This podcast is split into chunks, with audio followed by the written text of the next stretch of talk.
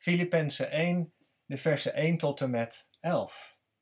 In de versen 1 en 2 is eerst het opschrift en daarna de dankzegging en voorbeden. Het Bijbelgedeelte voor deze studie. Van Paulus en Timotheus, dienaren van Christus Jezus, aan alle heiligen, hè, dat zijn de gelovigen, alle heiligen in Filippi, die één zijn in Christus Jezus. En aan hun opzieners en dienaren. Hè, dat zijn de ambtsdragers die zorg dragen voor de gemeente. Genade zij u en vrede van God, onze Vader, en van de Heer Jezus Christus. Ik dank mijn God altijd wanneer ik aan u denk, telkens wanneer ik voor u allen bid. Dat doe ik vol vreugde, omdat u vanaf de eerste dag tot nu toe hebt bijgedragen aan de verspreiding van het evangelie. Ik ben ervan overtuigd dat Hij die dit goede werk bij u begonnen is, het ook zal voltooien op de dag van Christus Jezus. Het spreekt vanzelf dat ik zo over u denk, want u allen ligt me na aan het hart. U hebt immers allen deel aan de genade die mij geschonken is, of ik nu gevangen zit of de waarheid van het evangelie verdedig. God kan getuigen dat ik naar u allen verlang, met de genegenheid van Christus Jezus.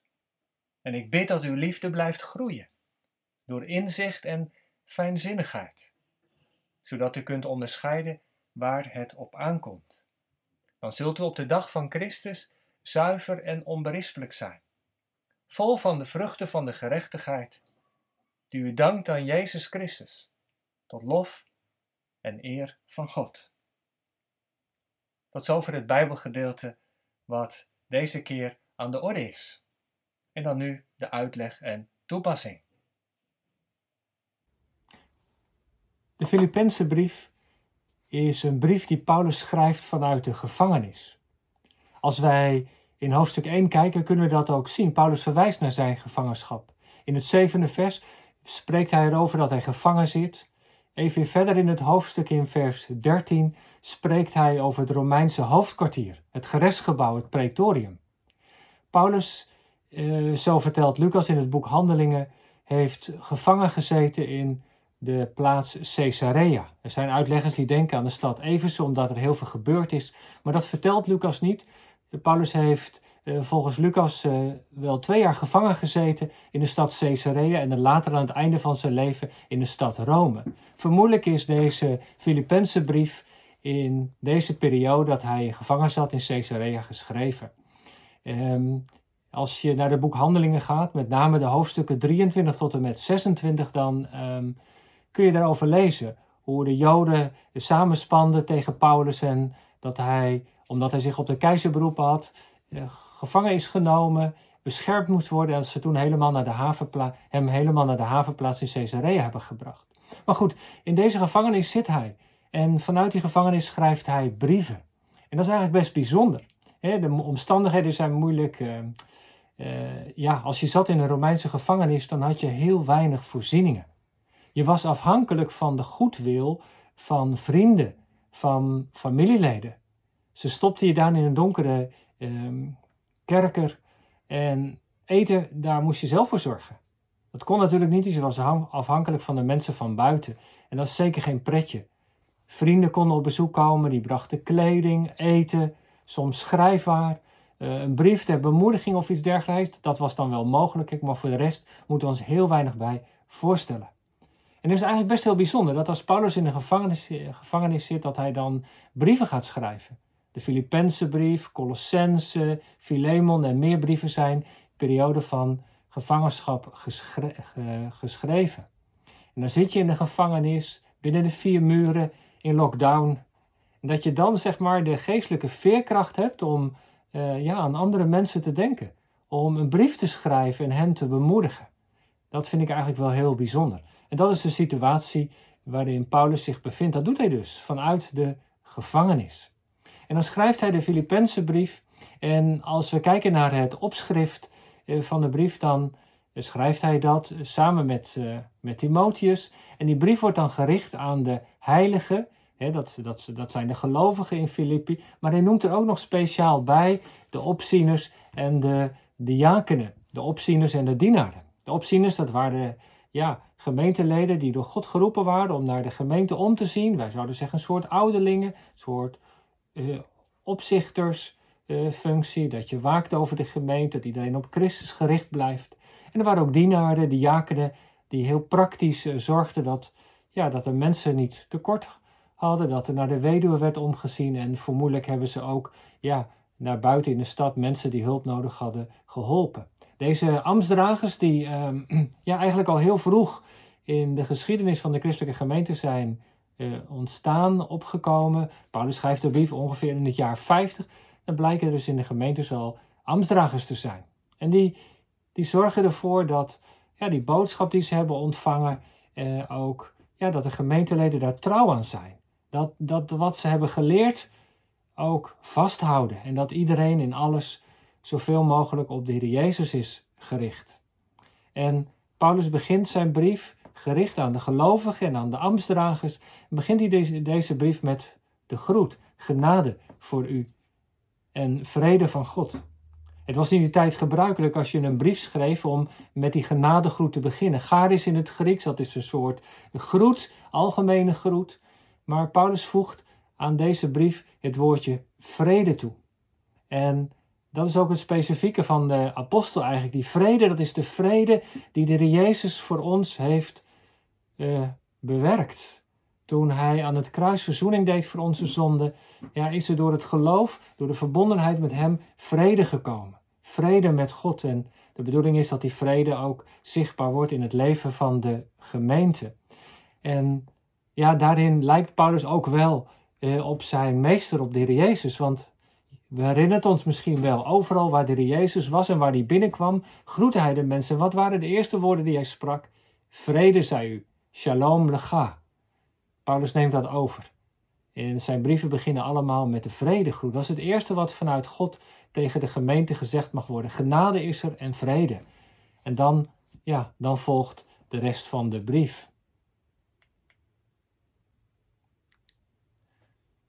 Na de groet in de versen 2, 1 en 2 vinden dan in de versen 3 tot en met 11 een gebed.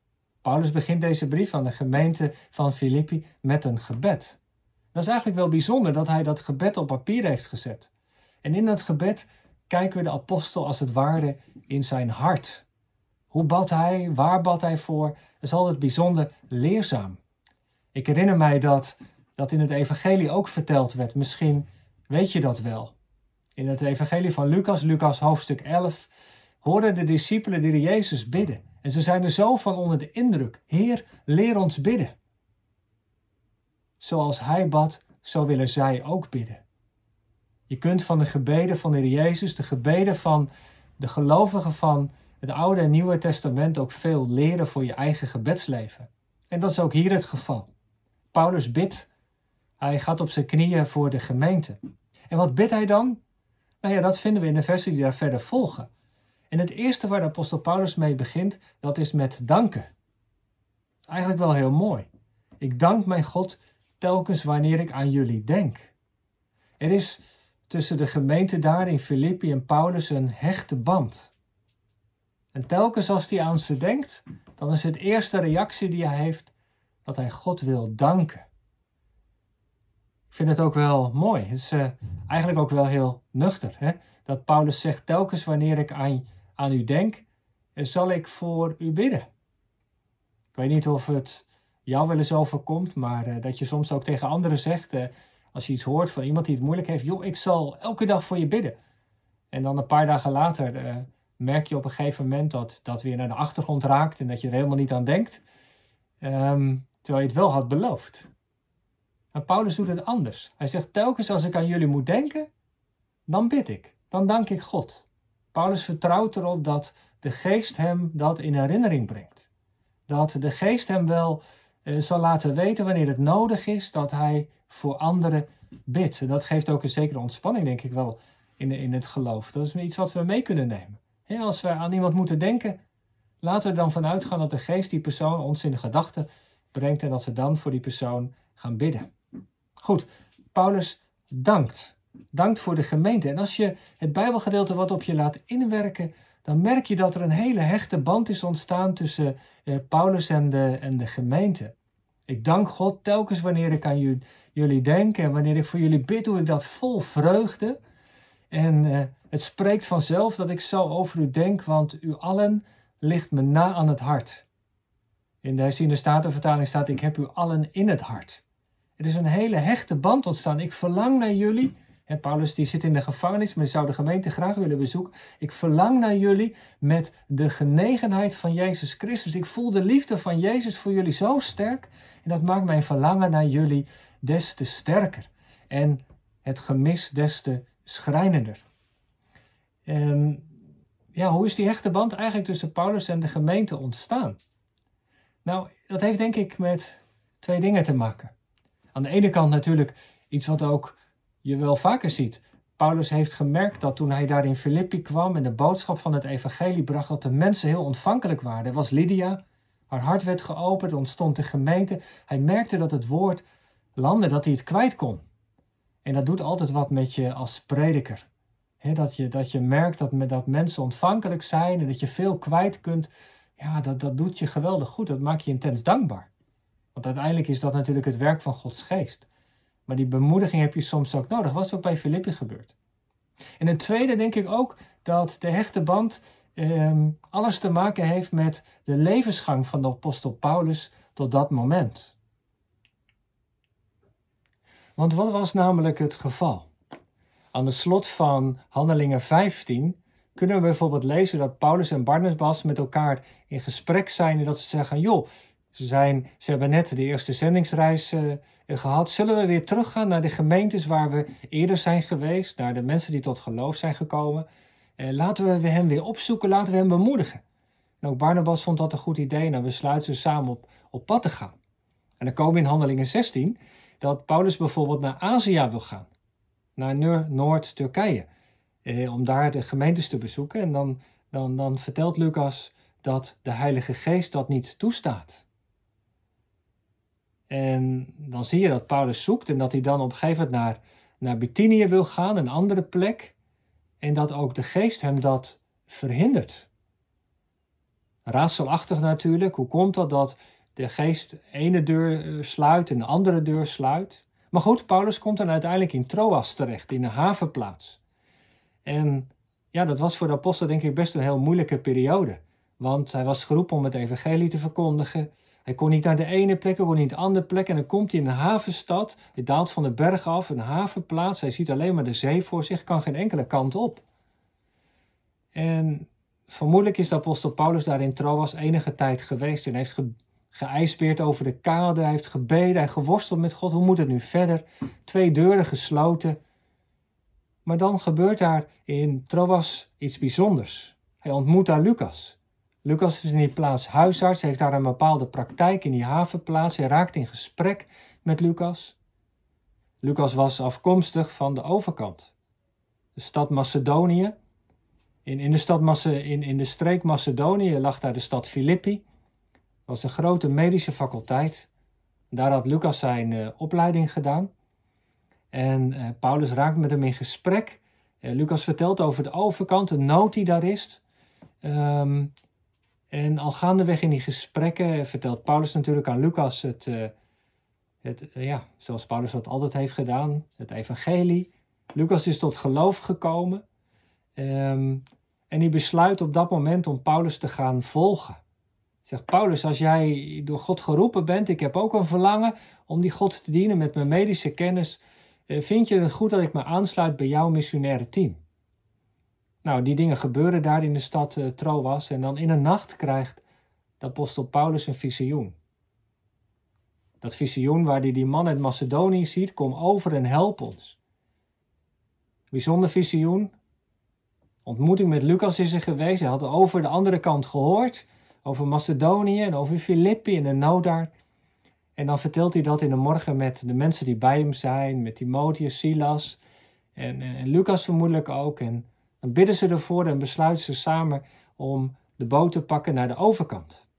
En de overkant, dat is een heel nieuw continent voor de apostel Paulus. Dat is het continent Europa. Daar ligt Macedonië en er ligt ook, ook de stad Filippi. En Paulus maakt dan de overstad en reist erdoor en komt dan in de stad Filippi terecht. Uh, daar, daar zijn niet veel uh, Joden, dat is het eerste aanknopingspunt. Hij ging altijd naar de synagoge, hij zocht zijn medebroeders op. Maar vindt dan buiten de stad in de gebedsplaats een groep vrouwen die er samenkwamen om te bidden. Paulus raakt in gesprek met ze, vertelt ze over het evangelie, over de Jezus die de Messias is van Israël. En uh, ja, Lydia, een rijke vrouw die een eigen bedrijf heeft, die, die, die wordt geraakt door het evangelie. God opent haar hart. Ze komt tot geloof. Paulus komt er in huis, deelt het evangelie. En zo ontstaat daar een gemeente. Filippi is de eerste gemeente daar in het continent Europa. En ik, ik stel me zo voor dat het voor de apostel Paulus ook wel een enorme bemoediging moet zijn geweest.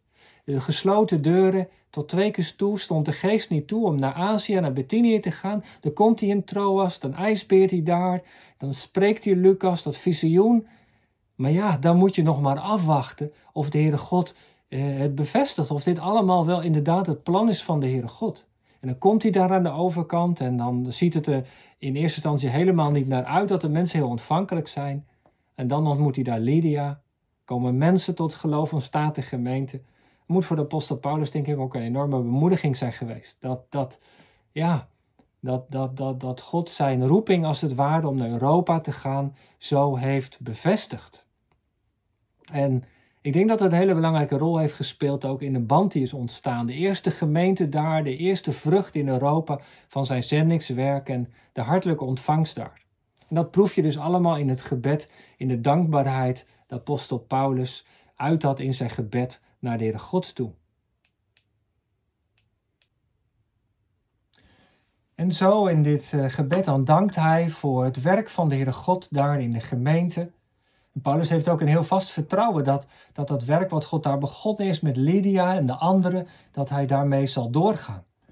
En aan het slot van, van dat gebed in de versen 9 tot en met 11, dan, dan bidt Paulus ook voor de gemeente. Hij begint met danken, spreekt zijn vertrouwen uit en in de laatste versen bidt hij ook heel concreet voor de gemeente daar. En dat gebed is denk ik wel leerzaam. Hij bidt dat de liefde steeds overvloediger wordt. Dat de liefde die ze van God hebben ontvangen, dat die zal groeien. En ik denk dat dat wel heel belangrijk is, want het was een jonge gemeente gemeente waar mensen net tot geloof zijn gekomen. Ze hebben een heidensleven of, of een andere achtergrond. Eh, sommigen waren misschien vanuit de Joodse traditie afkomstig. En dan vorm je samen een gemeente. Je bent tot geloof gekomen, maar dan moet je het samen ook zien te rooien. Die liefde van de Heere God, die, ja, die moet zich ook vertalen als het ware naar die onderlinge liefde. En dat is ook een thema wat verder in, dit, in, in, in deze brief ook nog terug zal komen. Maar ik bid dat die liefde, de liefde van God in Christus voor, voor, voor de gelovigen, dat die steeds meer zal groeien. In kennis, in fijngevoeligheid. Zal groeien in inzicht en fijnzinnigheid. Dat, in kennis, inzicht, dat de mensen steeds meer inzicht hebben in de woorden van het evangelie. Dat ze steeds meer helder hebben wie de Heer Jezus is en wat Hij voor hen heeft gedaan. En ook fijnzinnigheid, fijngevoeligheid, dat ze ook tact hebben in het omgaan met elkaar. En ik vind het wel mooi, en dat is iets duidelijker nog in de nieuwe Bijbelvertaling. Als Paulus dat dan bidt, dan, dan sluit hij daar in vers 10 mee af. Dan zult u op de dag van Christus zuiver en onberispelijk zijn, vol van de vruchten van gerechtigheid. Dat, dat, dat is een soort belofte. Als die liefde van God in het leven van de gemeente meer en meer zijn plek krijgt en ja, die liefde van God, die wordt ook door de Heilige Geest uitgewerkt. Paulus noemt die hier in dit, in dit hoofdstuk verder niet, maar hij denkt er natuurlijk zeker wel aan. Ik moet denken aan de Romeinen 5 bijvoorbeeld. In het, in het vijfde vers spreekt Paulus over de liefde van God die in onze harten wordt uitgestort door de Heilige Geest die ons gegeven is. De Heilige Geest die brengt de liefde van Christus in onze harten en, en laat die groeien. Als je de geest tenminste de ruimte geeft. En daar bidt Paulus om dat die liefde overvloediger wordt, dat de geest meer de ruimte krijgt. En die zorgt ervoor dat je op de dag van Christus, als de Heer Jezus terugkomt, dat je vrucht hebt gedragen. Dat je leven steeds meer eh, beantwoordt aan het doel dat Hij voor ogen heeft. En zo, ja, zo begint deze brief met een gebed, met te danken en voorbeden te doen. Bijzonder leerzaam om zo de apostel Paulus in zijn hart te hebben kunnen kijken. Nou, als we dan onszelf uh, afvragen uh, wat we van dit Bijbelgedeelte uh, mee kunnen nemen, hoe we dit kunnen toepassen op ons eigen leven, hoe we, ja, welke dingen we van dit Bijbelgedeelte kunnen leren, um, dan moest ik zelf aan een drietal dingen denken. Wat mij opvalt, en dat is het eerste, is dat Paulus, als hij voor de gemeente bidt, begint met danken. En dan moet je voorstellen dat apostel Paulus in de gevangenis zit. Dat hij van veel van zijn vrijheid beroofd is. Dat er heel veel dingen hem ontbreken. Maar ondanks dat begint hij met de Heere God te danken. In handelingen wordt verteld als Paulus en Silas in de gevangenis zit. Dan zitten ze in het donkerste kluister en dan beginnen ze lofliederen te zingen tot God. Ehm, en dan antwoordt de Heere God door een aardbeving en door uh, wonderen te doen. Paulus had een heel diep besef in welke situatie ook. Ik moet niet de omstandigheden mijn leven laten bepalen, maar ik moet met de bril van het geloof naar de omstandigheden kijken. En wat ons helpt. Als wij, nu wij ja, thuis zitten, nu de situatie onzeker is, nu heel veel dingen anders lopen dan dat we graag hadden gewild en nu we het daar ook moeilijk mee hebben, dan kunnen we toch, denk ik, van de apostel Paulus meenemen: vergeet niet te danken. Want als je dankt, dan doe je daar, dan eer daar natuurlijk allereerst de Heere God mee. Hij is het waard om onze lof en dank te ontvangen. Niet omdat we dat voelen, omdat we daar nou altijd zoveel zin in hebben, maar het is ook een opdracht. Dank God in alles. Want als je begint te danken, dan moet je voor jezelf ook opsommen. Moet je voor jezelf ook in herinnering brengen voor welke dingen ben ik dan dankbaar. En dan ga je opeens allerlei dingen ontdekken. Ga je opeens allerlei dingen zien waar je niet aan had gedacht. En die helpen je. Want dan ontdek je, oh, dat is er ook nog en dat is er nog. En ja, het slot van het Matthäus-evangelie, daar zegt tegen de Heer Jezus, daar zegt de Heer Jezus tegen zijn discipelen, zie ik ben met u, alle dagen, tot aan het einde van de wereld. Die belofte dat God bij je is. Als je in een gevangenis zit, als je thuis zit in lockdown, in quarantaine. Dat is een belofte waar je de Heer God elke dag voor mag danken. En dat is het eerste, Paulus dankt. En het tweede wat mij ook trof, dat lezen we in vers 6. Daar, daar zegt de apostel Paulus, ik ben ervan overtuigd dat hij die dit goede, goede werk bij u begonnen is, het ook zal voltooien op de dag van Christus. Wat God begonnen is, dat maakt hij af.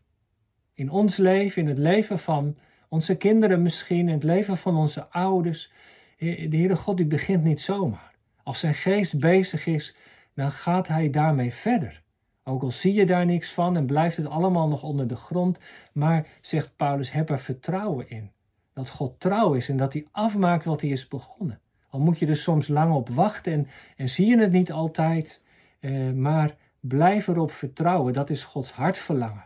Dat wij, dat onze kinderen, dat lieve mensen om ons heen de Jezus kennen. En dat wat Hij in onze leven aan, aan het begin heeft gemaakt, dat Hij daarmee afgaat. God houdt niet van half werk, maar hij wil graag de dingen voltooien en hij zal dat ook doen. Hij maakt af wat hij is begonnen. En het derde, moet nog even denken aan het slot van het gebed. Als, als je nou bidt voor iemand, als je nou bidt thuis voor de kerk, voor de predikanten, voor de ambtsdragers, voor de voortgang van het evangelie, waar bid je dan voor? Nou zegt Paulus, bid dan vooral voor de liefde van God. Bid dat de liefde van God in het leven van de gemeente, in het leven van de mensen die je lief zijn en ook in je eigen leven steeds meer zal groeien. Want weet je, die liefde dat is een vrucht die uiteindelijk je leven verandert. Als de liefde van God je steeds meer ja, in bezit neemt, steeds meer je leven doordrenkt, dan, dan zal het ook merkbaar zijn um, bij de mensen om je heen. Je buren, je collega's, je vrienden zullen het merken. Hé, hey, het is fijn om bij die persoon te zijn. Ik proef iets van liefde, van onvoorwaardelijke acceptatie. Want dat is het toch, dat, dat God ons in de Heer Jezus heeft aanvaard. Dat, dat, dat Hij ons zo lief heeft, met, met heel ons leven. Hij kent ons hele leven, Hij kent alles van ons en, toch houdt Hij van ons. Nou, dat die liefde van God in ons is en ook in anderen zijn, in de gemeente, dat is denk ik het allerbelangrijkste. Dat mensen die niet geloven in de gemeente kunnen zien, kijk eens hoe lief ze elkaar hebben. dat is toch, denk ik, in deze tijd, als er zoveel haat en verdeeldheid is, het beste getuigenis dat we kunnen nalaten. En zo reikt Paulus ons al in het begin van deze brief heel veel om over na te denken, heel veel om ook voor te bidden.